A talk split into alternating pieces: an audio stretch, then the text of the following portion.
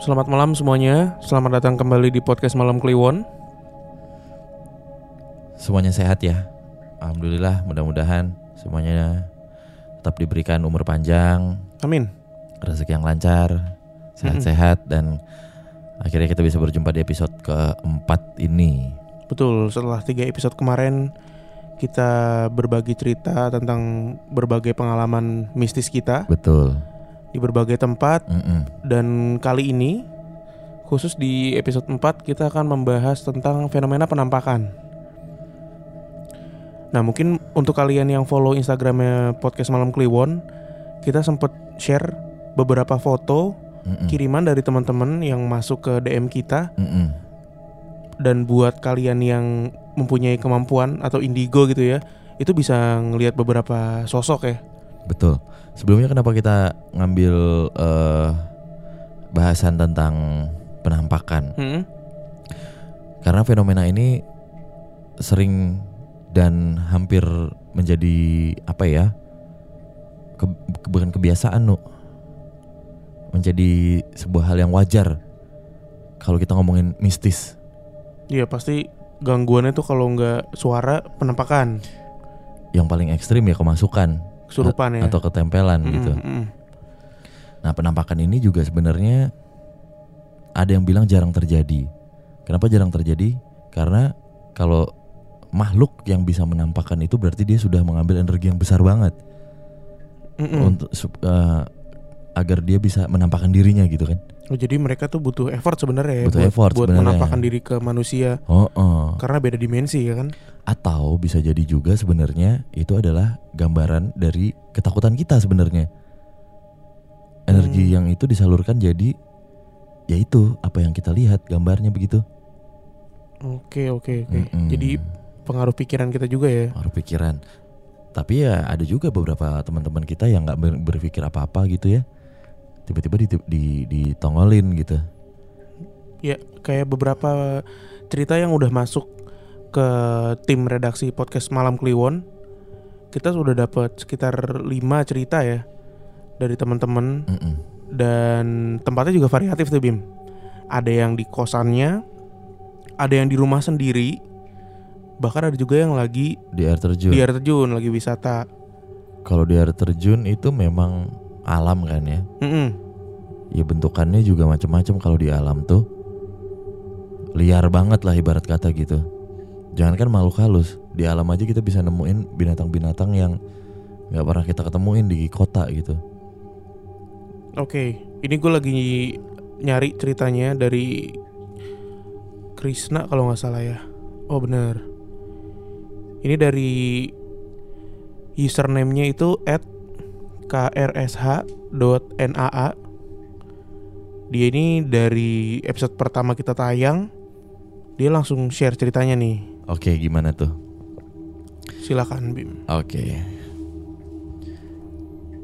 Jadi sebulan yang lalu pas gua liburan sekolah, gua sama teman-teman ngetrip ke Malang dari Kediri. Ya perjalanannya lumayan jauh sih. Langsung aja intinya nih ya bang, katanya gitu. Mm. Saat gue sampai di wisata air terjun yang namanya Coban Putih, gue langsung nyari spot-spot yang bagus nih buat foto. Gue awalnya berempat belas. Nah saking gue pengen cari sumber awal mata airnya, teman-teman gue pun ikut sama gue. Gue nyari mata airnya itu cuman berlima, Hmm. sekitar setengah jam. Itu baru ketemu sumbernya. Emang bagus banget bang. Modelnya kayak air terjun. Air terjun yang lebat katanya. Mm-mm. Gue cari cara buat dapat jalan ke bawah air terjun itu. Karena gue buat foto juga. Sembari gue nyari jalan ke bawah, gue foto dulu tuh atasnya. Nah, abis gue foto atasnya, akhirnya teman-teman gue dapat jalan buat ke bawahnya. Setelah itu, gue foto-foto lah di bawah sama teman-teman gue. Hmm. Bawahnya tuh kayak begini nah, dia foto nih sebenarnya nih. Oh dikirimin foto ya. Bikinin foto. Heeh. Sebelah kanannya tuh kayak ada batu-batu gitu bang. Nah, abis ke batu-batu itu, Gue foto di situ pose bertapa. Mm-mm. Pas gue dapet posisi yang enak banget, gue agak dangak. Karena kan modelannya pengen candid ya, katanya gitu kan. Oke, pengen kayak eh, iya iya, pengen Mm-mm. candid. Mm. Paham lah ya. Mm, mm. Dan seketika yang gue lihat itu cuma rata ijo, tapi masih ada, masih ada bentuknya kayak batu, batang, air, tapi hijau semua katanya. Jadi pandangan dia tuh Mm-mm. kayak tertutup Iya. warna hijau itu ya. Nah, abis itu gue baru lihat keadaan semula dengan mimik teman-teman gue yang kaget. Langsung deh, abis itu gue diajak balik ke homestay di Malang. Hmm. Nah di homestay, gue diceritain sama teman gue yang fotografer. Kebetulan dia punya kelebihan juga.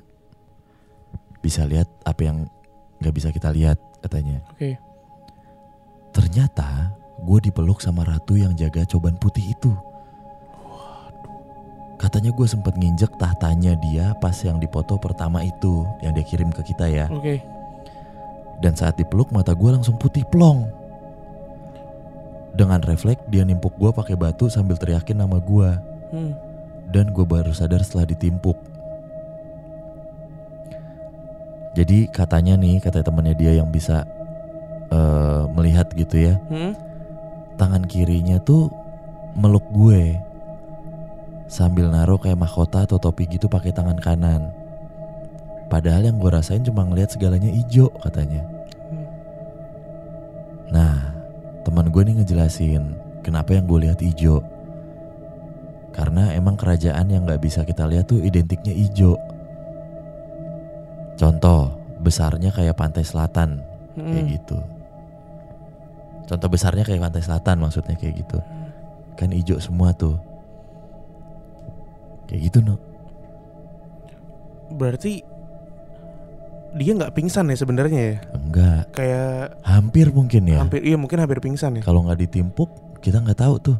Hmm. Bisa pingsan, bisa game over, Jadi yang lihat itu teman-temannya. teman-temannya. Oh, sorry, satu- satu orang, fotografernya ya. fotografernya. Nah ini kejadiannya sebenarnya sama kayak eh, cerita lo kemarin tuh di episode kemarin, yang apa? Adiknya temen lo ya, Oh, yang yang guru bahasa Inggris. epilepsi, Iya iya iya. ya kan? Iya yang guru bahasa Inggris teman gua. Heeh, kayak gitu tuh. Yang dia ngelihatnya kayak diajak, tapi orang-orang yang lain ngelihat dia lagi epile- kayak epilepsi gitu kan. Mm-mm. Wow. Itu mungkin ya kalau teman fotografernya itu punya kelebihan dan kameranya kan ibarat kata udah nyatu lah ya sama tuh orang Hmm. cepret gitu mungkin mungkin aja bisa kelihatan Bisa tuh. keambil ya. Cuman ya namanya goib kan ya. Dan momen kayak gitu nggak kepikiran mungkin ya. Yang penting temennya selamat aja Temannya gitu. selamat dulu. Iya kan ya? Iya itu Gitu tadi tuh. cerita dari Krisna. Terima kasih ya buat Krisna udah jadi pendengar setianya podcast Malam Kliwon. Terima kasih juga buat ceritanya. Kita masih ngomongin tentang penampakan. Kali ini gue punya cerita nih Bim. Yang datangnya dari tetangga gue sendiri. Oh tetangga. Mm-mm. Wah rumah lo lumayan punya ini ya lingkungan lo tuh. ini sebenarnya kebetulan sih mungkin ya. Hmm. Karena jadi di dari mana ceritain ya? Intinya salah satu tetangga gue ini ini bapak-bapak apa ibu-ibu nih? bapak-bapak, Oh bapak-bapak. dia ini meninggal. Gimana gimana? Dia ini meninggal. Jadi tetangga gue ada yang meninggal. Oh, Oke. Terus hari apa ya gue lupa. Pokoknya beberapa hari lalu deh. Nah dia ini meninggal karena sakit. Pertama sakitnya diabetes terus komplikasi gitulah. Heeh. Sampai akhirnya meninggal. Sebutlah namanya Pak siapa ya Pak Agus deh. Oke. sebutlah namanya Pak Agus. Nah, terus dia ini eh, tinggalnya sebenarnya di deket rumah gua, kayak radiusnya cuman 20 meter, 30 meter lah, deket. Tapi pas lagi sakit ini, dia tuh lama di kampung Bim. Di gue lupa kampungnya pokoknya di Jawa Tengah deh.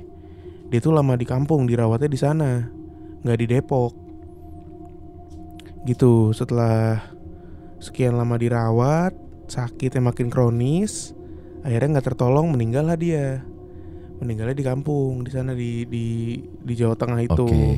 Terus terus. nah terus sampailah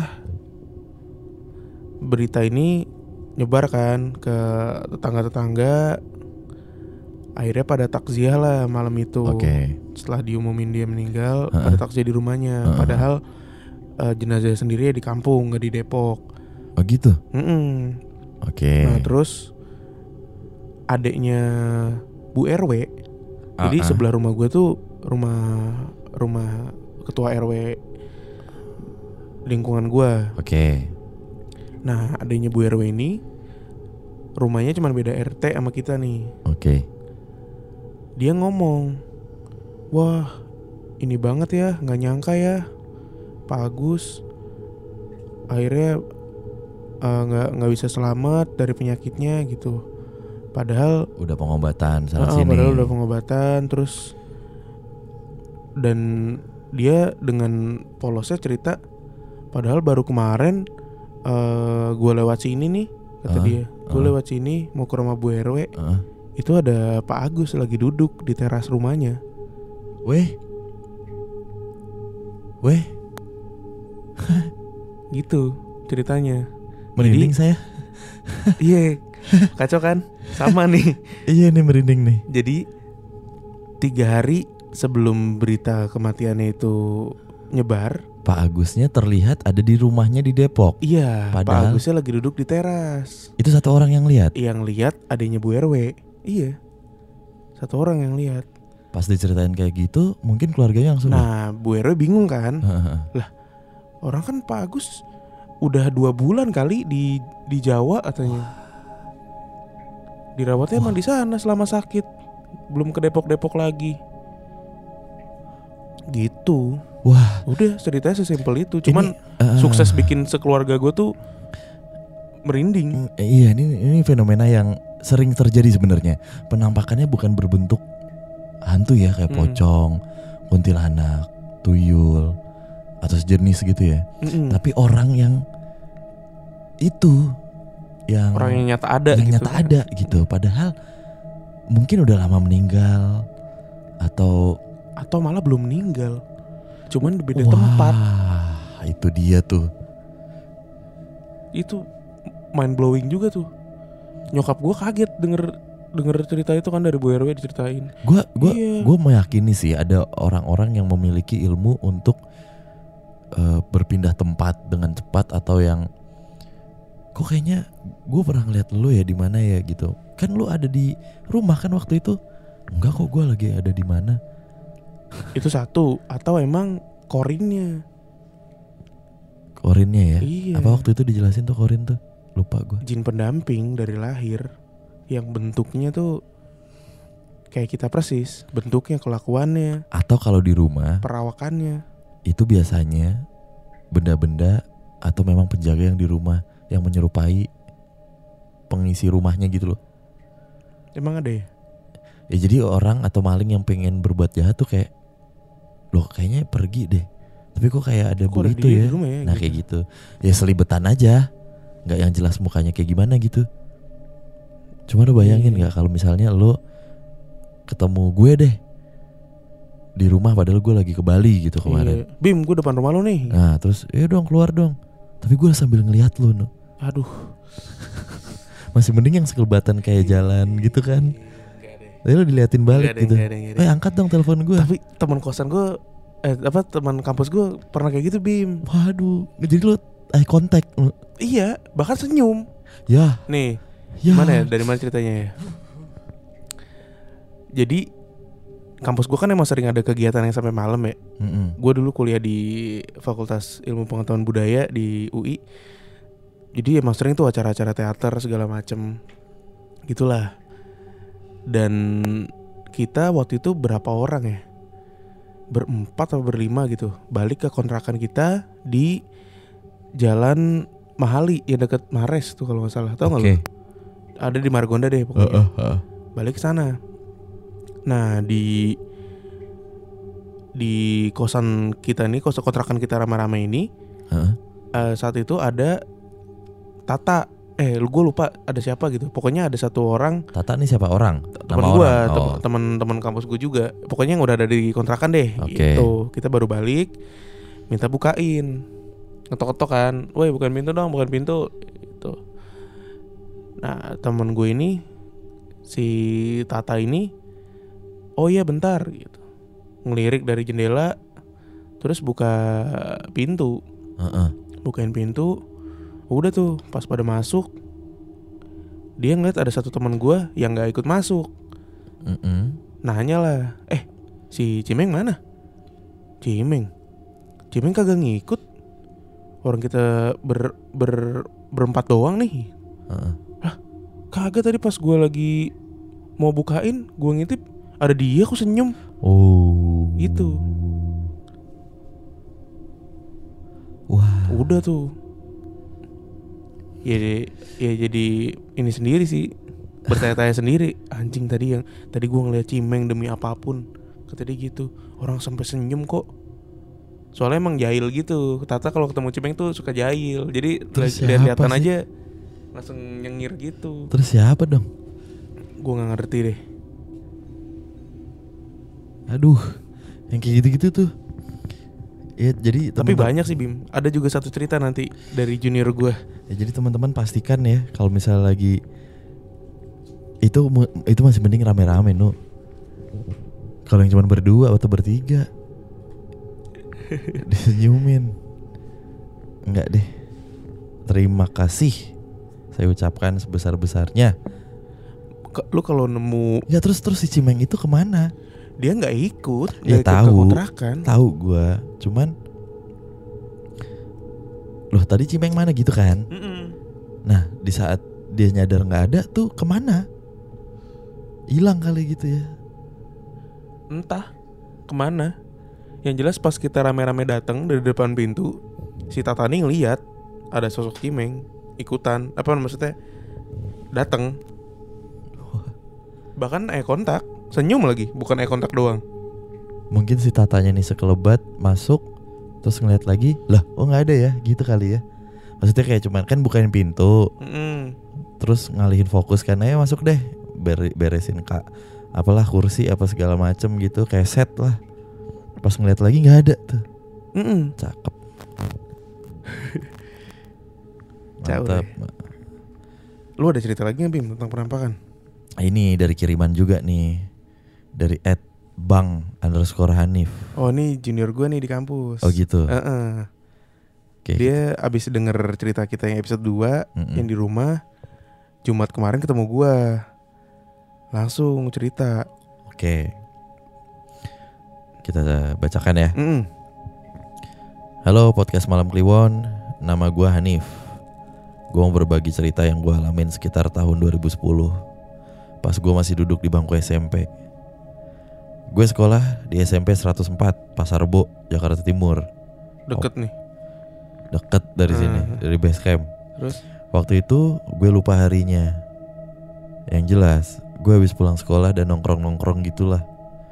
Gue pulang ke rumah gue di wilayah Condet sekitar jam 7 malam. Masuklah gue ke rumah Buka pintu. Gak jauh dari pintu masuk Ada nyokap gue yang berdiri aja ngeliatin gue Gue pun salim dan cium tangan kan dan cium tangan sama dia. Dia pun ngasih tangannya, senyum juga bahkan. Yang bikin gue aneh, kulitnya lumayan pucet gitu. Tapi gue gak terlalu mikirin saat itu dan langsung naik ke kamar gue di lantai dua. Selang beberapa menit, HP gue bunyi. Gue cek. Ternyata yang nelpon itu nomor nyokap gue. Langsung gue angkat. Nyokap gue ngomong, Hanif udah di rumah. Bukain mama pintu dong. jadian lagi Nah langsung lemes tuh badan gue Tadi gue salim sama siapa Gue turunlah ke bawah Hmm. Di bawah tuh beneran gak ada orang dan lampu-lampu belum pada dinyalain Gue langsung lari ke pintu depan dan ceritain semuanya ke nyokap gue Itu aja sih cerita dari gue Terima kasih buat podcast Malam Kliwon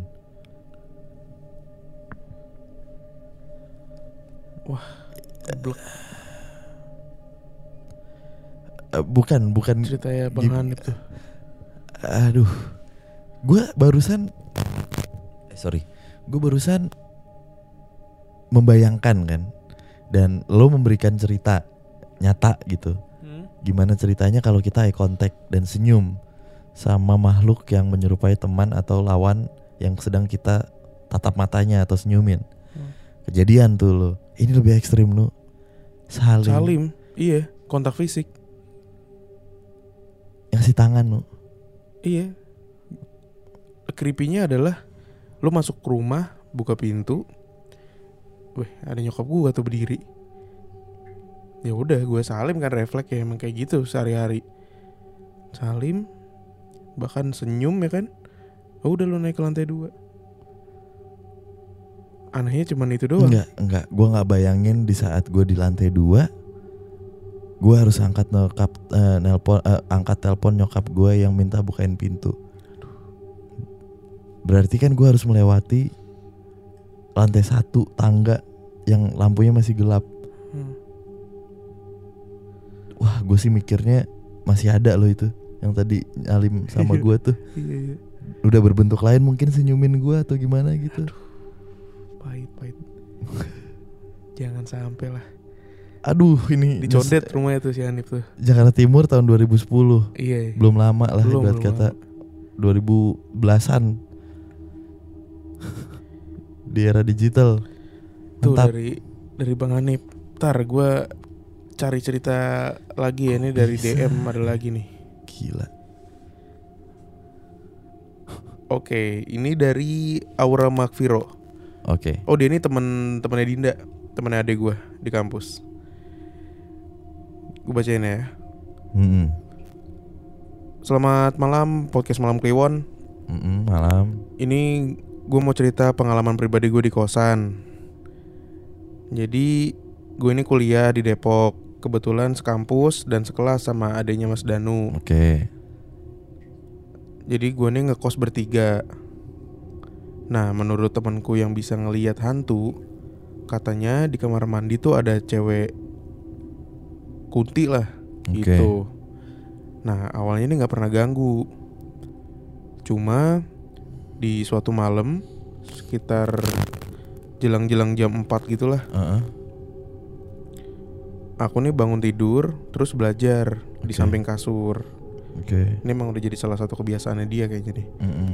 Nah, salah satu teman aku ini yang lagi tidur tiba-tiba kayak bangun gitu, Mm-mm. terus mendengus kesel sambil ng- ngelihat ke atas kepalanya berapa kali.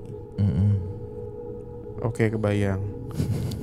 Nah, pas pagi aku tanya kan, kata dia ada cewek bentuknya mirip sama ak- kayak aku, wow. Lagi duduk sambil ngerobek-robekin kertas. berisik banget. Makanya dia semalam tuh kayak kebangun sambil ngedengus kesel gitu. Heeh. padahal pas dia lagi begitu aku lagi belajar di samping kasur dan gak ada tuh aku ngerobek-robek kertas sama sekali. Wah nah sampai sekarang aku nggak tahu cewek itu siapa. Tapi temanku yakin banget kalau itu tuh aku bukan orang lain. Kayak gitu tuh ceritanya. Ini dia diserupai berarti? Tapi lu bayangin gak sih di meja belajar itu ada sosok kayak teman lo gitu, cuma lagi ngerobek-robek kertas gitu bim, nunduk gitu kan ngerobek-robek. Enggak sih. Nggak kebayang gue aduh.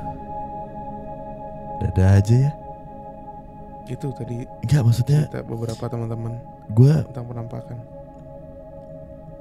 apa mungkin gini ya gue kebayangnya cerita dari teman-teman tuh penampakan tuh mereka mereka nih lagi jalan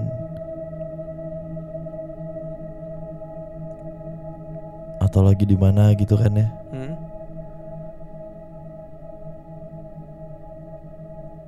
yang mereka lihat tuh kayak penampakan kuntilanak nakaman pocong gitu-gitu loh. Hmm.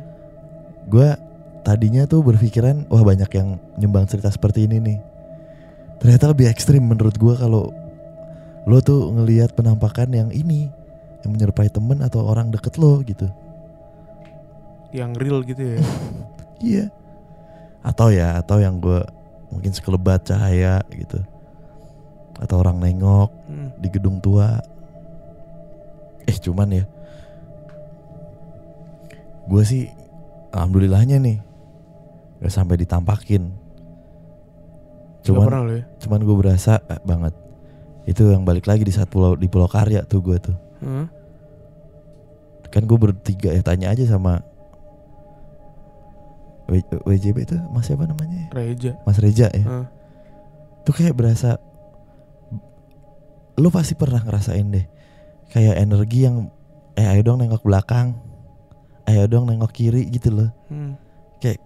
diarahkan aja gitu eh, untuk ayo dong nengok sini dong Kiu gitu untuk nengok ke spot yang bener-bener angker banget kalau lo tengok gitu gua nggak tahu tuh kalau misalnya gue turutin mungkin apa ya ada something kali ya Mungkin kalau yang lebih peka bisa lihat. iya Gue lagi nginget-nginget ini sih cerita-cerita teman-teman gue yang pernah ditampakin gitu. Siapa lagi ya? Oh, kita punya cerita juga nih. Kebetulan kan dari di sini ada Mas Yopi juga nih, Mas Yoga. Hah? Dia tadi sempat cerita temennya itu ditampakin. Kapan nih cerita kapan nih? Tadi siang tuh sempat cerita Heeh. ditampakin sama lukisan. Eh gimana tuh? Nah, orangnya ada, kasih aja mic-nya. Coba, coba nih Mas Yopi cerita. Penampakannya tuh lukisan. Lukisannya tuh menampakkan tapi matanya. Iya Mas Yopi ya? Eh, iya, jadi kejadiannya mungkin itu sekitar 2014 lah, sekitar 2014. Baru berarti. Hitungan Belum 2014 lama lah, ya, belum, lama, lama, lah. belum. Heeh. eh teman gue ini lagi nginep eh, di sekitaran Bogor, di sekitaran hotel di sekitaran Jalan Pajajaran. Ya namanya Pajajaran tuh hotelnya. Iya sih, Bukan begitu? begitu begitu begitu. Iya kan? Mm-mm, benar benar. Nah di waktu mereka habis check in ya udahlah mereka masuk kamar dong. Mm-mm. Sewajarnya orang check in ke hotel lah. Mm-mm. Nah di sini posisinya temen gua, temen gue ini yang cowoknya. Oke. Nah ketika nyampe kamar temen gua ini ya karena pulang kerja akhirnya dia masuk ke kamar mandi buat bebersih mandi Oke. Mm-mm. gitu Ini pagi siang sore malam? posisinya mungkin dia nyampe itu sekitar jam 9 10-an karena eh, gua waktu itu kerjanya di sekitaran Cibubur Oke. gitu 9 malam ya? 9 malam kurang Malam lebih. tuh. malam Heeh. Nah, eh, cowoknya mandi, si ceweknya, iya nyantai lah, maksudnya istirahat. Dia duduk di eh, kasurnya, Mm-mm. duduk di kasurnya, nyalain TV. Jadi di dalam kamar hotelnya itu ada satu lukisan, yang lukisannya itu ya cewek tradisional gitu loh, pakai pakaian tradisional. Pakai kemben. pakai kembang Ah. terus ada eh, dia pakai ya orang lagi nari gitu loh Oke. Nar- tarian-tarian tradisional Iya. gitu. nah terus akhirnya ya di situ belum kerasa apa-apa sampai akhirnya si cewek tiba-tiba kayak yang tadi Mas Bimo bilang kayak lu kerasa kalau dipanggil orang gitu Mm-mm. dipanggil sesuatu gitu suruh nengok Mm. dan akhirnya eh, si ceweknya ini nengok ke arah lukisan itu sendiri. Oke. Terus? Eh, dia awalnya nggak ngeh kalau lukisan itu matanya ke arah dia. Mm. Jadi pas datang itu yang dia lihat si lukisan itu mengarah ke TV yang jatuhnya eh, nggak ngelihat ke dia harusnya Iya. posisinya. Pas dia nengok ke lukisan itu, matanya itu lagi ngeliatin ke arah si ceweknya teman gue ini. Oh, geser berarti matanya. ya? Matanya ngegeser. Duh, gue ngerinding sendiri Iya. nih. Ini Hmm. cerita kedua kali dengan orang yang sama, gue merinding lagi pas Hmm. ceritain. Dia masih mencoba eh, untuk santai nih si Hmm, ceweknya karena hmm. pikir mungkin sugesti atau kecapean. Sampai akhirnya dia balik lagi ngeliat TV. Si TV, eh gue sendiri pas diceritain agak aneh sih karena ah emang itu nggak nggak cuma di film ya begitu. Hmm. TV itu bener yang tahu gak sih kalau eh Hmm? merinding lagi bang. Hmm. Eh, apa renyak apa ya bahasa Iya iya. renyak Ya apa namanya gambarnya gambarnya hilang eh. hilang jadi yang hitam putih gitu kayak TV udah siarannya habis Hmm. Tiga detik lah kurang lebih saya ingat si ceweknya tuh Hmm. dia teriak dengan kondisi teman gue yang masih di dalam kamar mandi Hmm. kaget dong Iya, karena iya. teriaknya kenceng banget kata teman gue tuh dia buka eh, pintu kamu kenapa Hmm. dan ceweknya tuh dari depan pintu kamar mandi cuman bilang aku udah nggak mau di sini lagi Hmm. sekarang kita cabut kamu langsung pakai baju kita cabut aku udah nggak mau di sini lagi Hmm. ternyata pas akhirnya eh, teman gue memutuskan untuk pergi dari situ Hmm. dan eh, di jalan si ceweknya cerita jadi pas mereka mau cabut Iya. si lukisan itu eh, ngeliatin langkah mereka sampai depan pintu Matanya ngikutin. matanya ngikutin gitu Anjing. dan si ceweknya yang karena si ceweknya kan yang yang notice. dirasain dari Ah. awal kan si ceweknya tuh karena ya dia kepa kepanggil lagi lah dia buat Hmm. nengok ke Perhatiin. lukisan itu lagi Anjing, dan- iya, iya, iya. kebayang kebayang. ah. dan si lukisan iya benar diikutin sampai depan pintu wah itu Geblek. Itu di mana Pajajaran?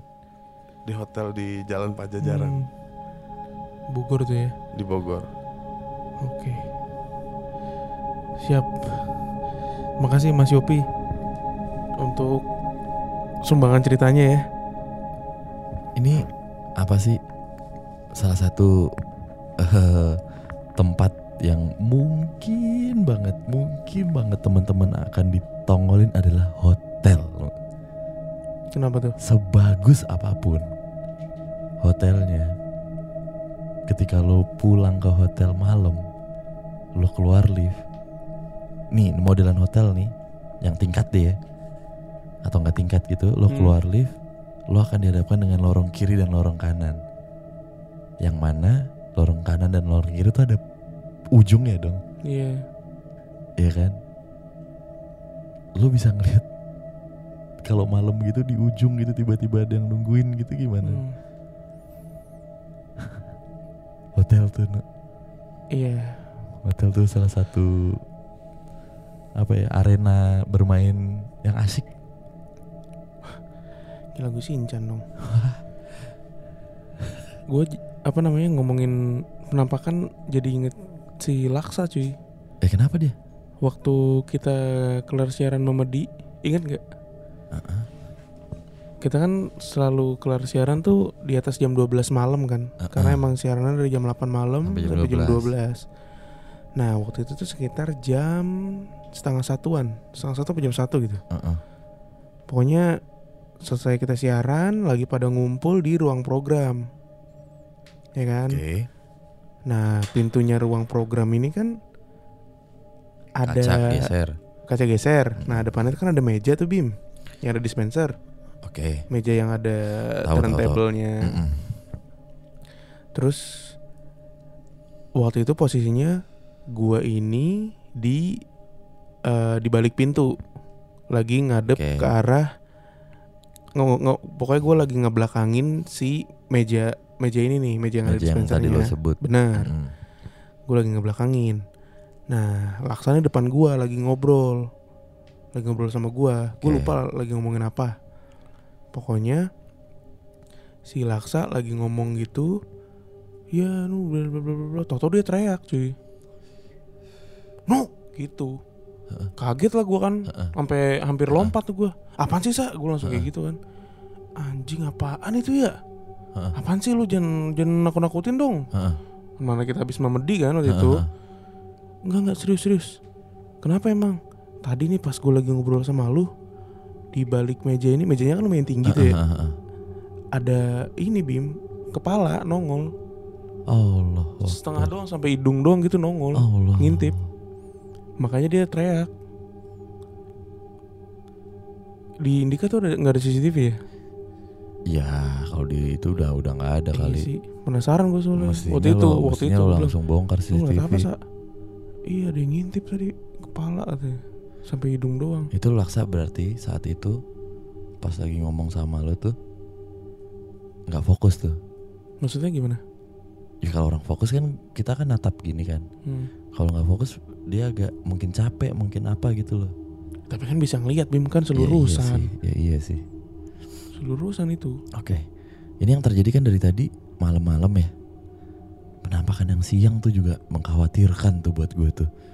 Yang nggak kenal pagi siang sore malam tuh. Hmm. Wah merinding saya. Banyak deh dicari tuh. Maksudnya teman-teman bisa nyari penampakan siang hari. Rumah sakit kosong, bekas apa, bekas apa. Siang hari bolong, ser. Orang liwat. Hmm.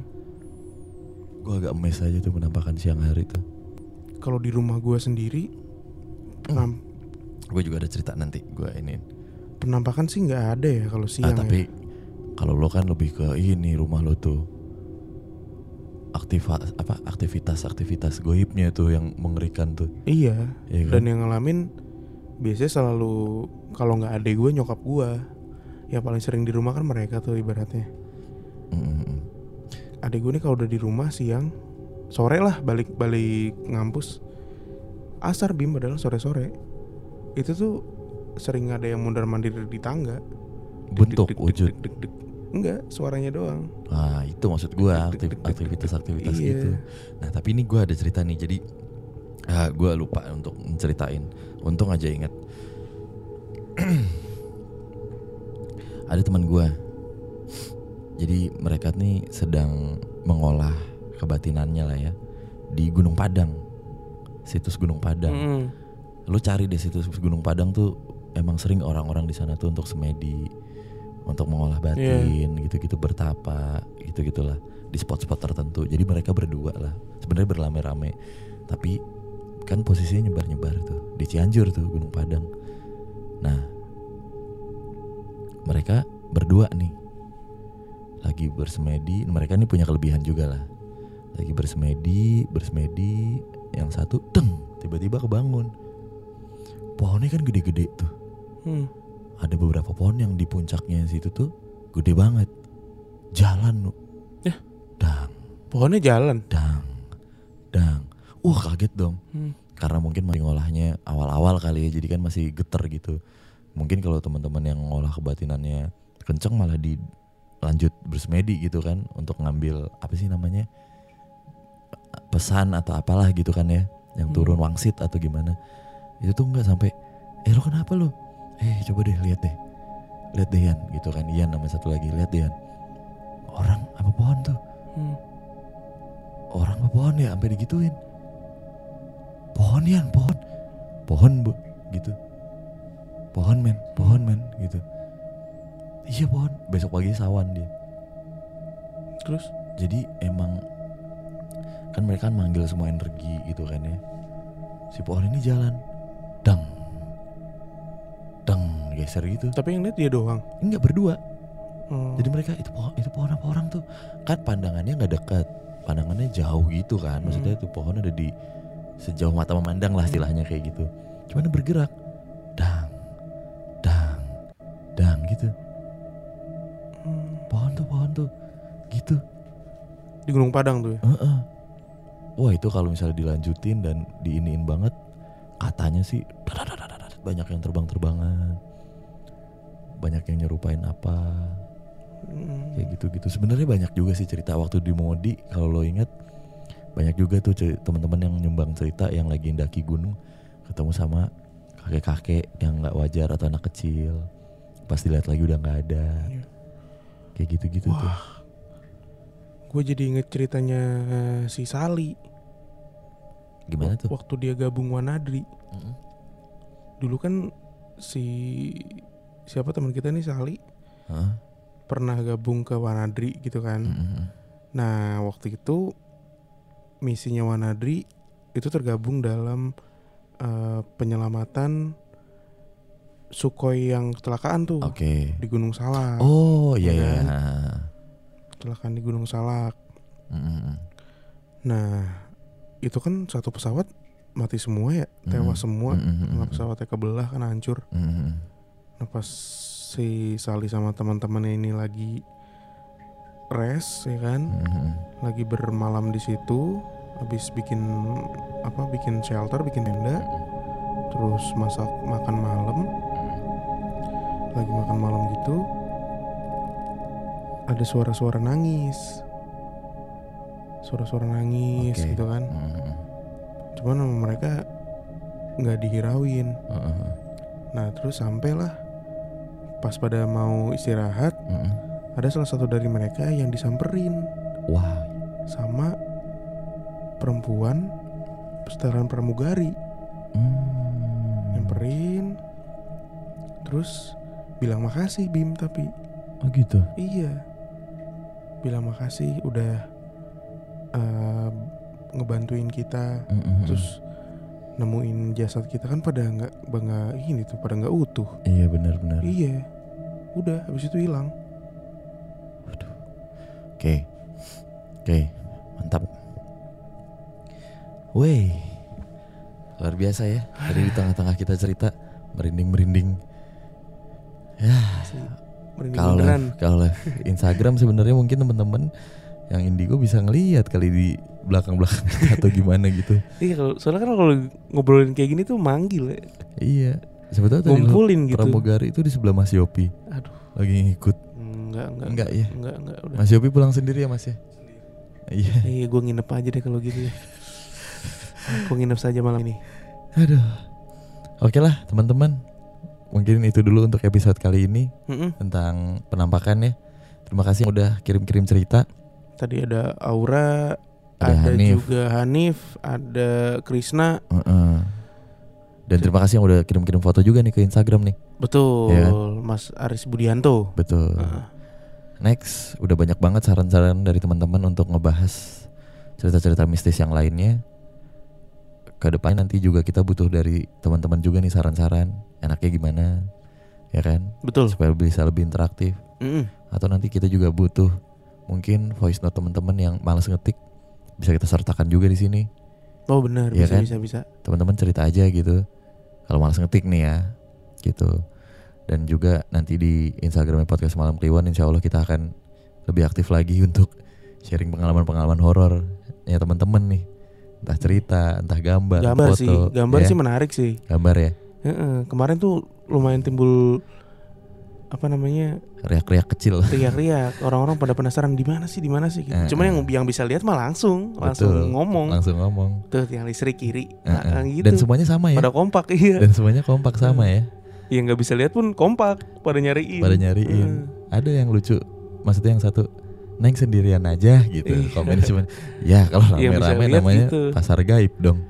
oke lah Makasih nih teman-temannya sekali lagi. Heeh, Jangan, jangan lupa untuk eh, follow Instagram kita dan dengerin terus di Spotify. betul Kasih tahu teman-temannya juga yang punya interest horror dengan kita supaya kita bisa lebih semangat sharing-sharing pengalaman-pengalaman mistis dan horor. Setiap lima hari kita akan tayang di Malam Kliwon. Insya Allah kita lagi nungguin. Wih. apaan